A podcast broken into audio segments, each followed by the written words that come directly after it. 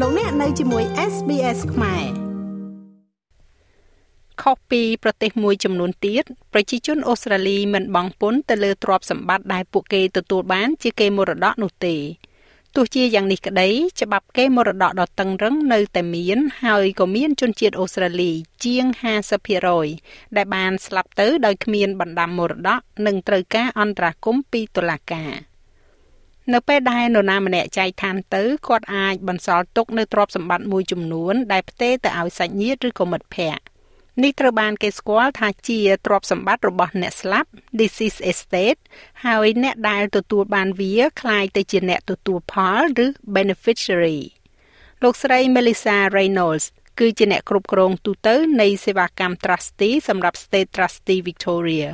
លោកស្រីពន្យល់ពីប្រភេទនៃទ្រព្យសម្បត្តិដែលមនុស្សម្នាអាចទទួលបានជាគេមរតក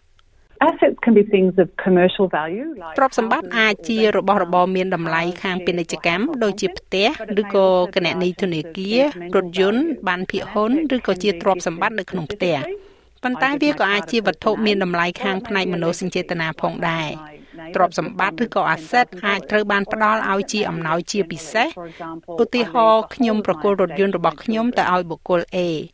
ឬវាអាចជាគេដំណើរមួយដូចជាខ្ញុំឲ្យអ្នកជិតខាងរបស់ខ្ញុំនៅប្រាក់ចំនួន10000ដុល្លារឬក៏ទ្រព្យសម្បត្តិអាចនឹងត្រូវបានទុកជាទូទៅឧទាហរណ៍ខ្ញុំទុកទ្រព្យសម្បត្តិទាំងមូលរបស់ខ្ញុំទៅឲ្យកូនកូនរបស់ខ្ញុំ ការទទួលគេមរតកគឺសាមញ្ញងាយស្រួលជាង នៅពេលដែលនរណាម្នាក់បានរៀបចំនៅបណ្ដាំមរតកដែលគូសបញ្ជាក់ពីរបៀបដែលពួកគេប្រាថ្នាចង់បែងចែកទ្រព្យសម្បត្តិរបស់ពួកគេ បន្ទាប់ពីការស្លាប់របស់គេ។នៅក្នុងបណ្ដាំមរតកនីតិបុគ្គលម្នាក់ដែលគេស្គាល់ថាជា អ្នកប្រតិបត្តិការឬក៏ executor ត្រូវបានតែងតាំងឲ្យដើរតួនាទីជាអ្នកធានា trustee ទៅលើអចលនទ្រព្យនោះ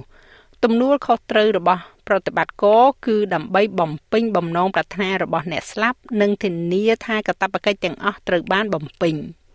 ប្រតិបត្តិការឬក៏ executor ក៏អាចជាអ្នកទទួលផលផងដែរ។លោក Florente Abad គឺជាអ្នកអនុវត្តច្បាប់ទាំងនៅក្នុងប្រទេសហ្វីលីពីននិងអូស្ត្រាលីបាននិយាយថា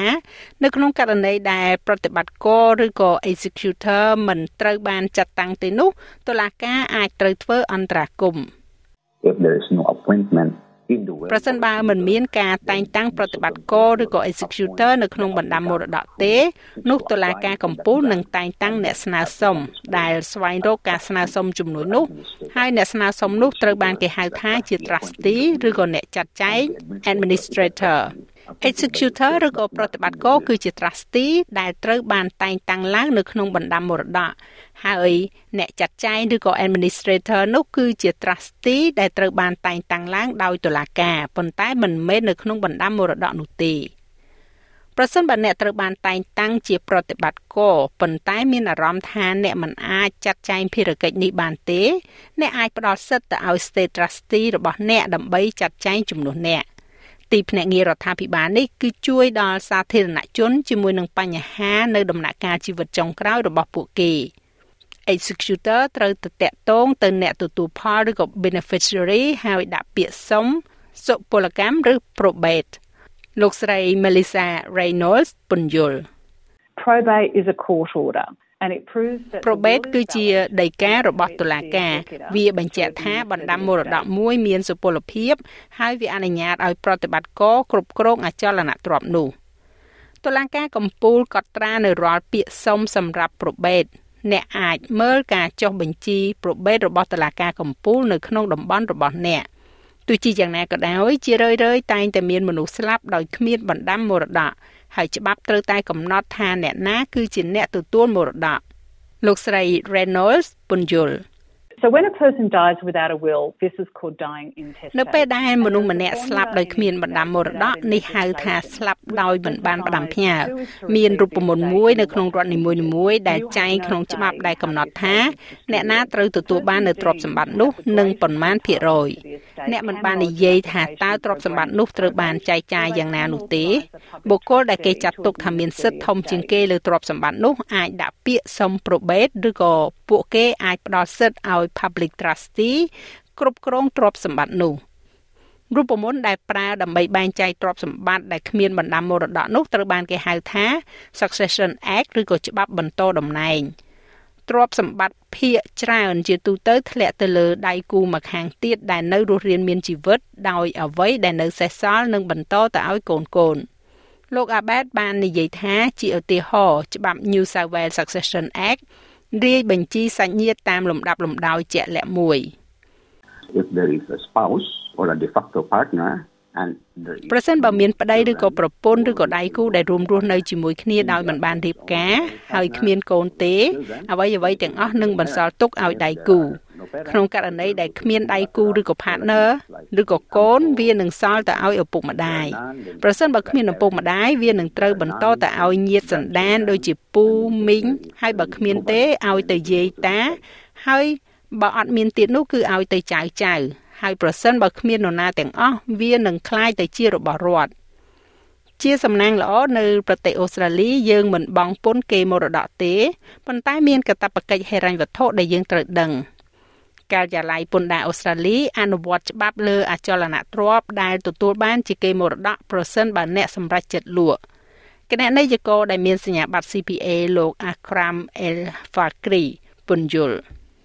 There's no tax consequences to the deceased มันមានផលវិបាកខាងពន្ធសម្រាប់អចលនទ្រព្យរបស់អ្នកស្លាប់ទេប្រសិនបើវាជាលំនៅឋានរបស់អ្នកស្លាប់ប៉ុន្តែប្រសិនបើមានអចលនទ្រព្យ2ហើយមួយត្រូវបានគេដាក់ជួលនោះអចលនទ្រព្យលំនៅឋានមិនជាប់ពន្ធទេប៉ុន្តែអចលនទ្រព្យដែលវិនិយោគនឹងតេទៀងការយកពន្ធប្រាក់ចំណេញទៅលើដើមទុន capital gain tax ពន្ធប្រាក់ចំណេញទៅលើដើមទុនឬក៏ capital gains tax ឬក៏ CGT អនុវត្តនៅពេលដែលអ្នកលក់អចលនទ្រព្យវិនិយោគដែលបានទិញក្រោយឆ្នាំ1985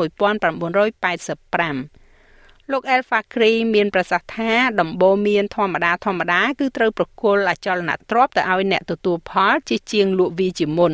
បើទោះបីជាផែនការនេះគឺដើម្បីបែងចែកទ្រព្យសម្បត្តិក្នុងចំណោមសមាជិកគ្រួសារក៏ដោយចុះព្រោះថាវាមានពេលវេលាដែលមិនត្រូវបង់ពន្ធសម្រាប់អចលនទ្រព្យលំនៅឋាន You've got a 2 year window អ្នកមានពេលវេលារយៈពេល2ឆ្នាំដើម្បីលក់ដោយមិនបង់ពន្ធ capital gains ប្រសិនបើអ្នកគឺជាអ្នកទទួលផល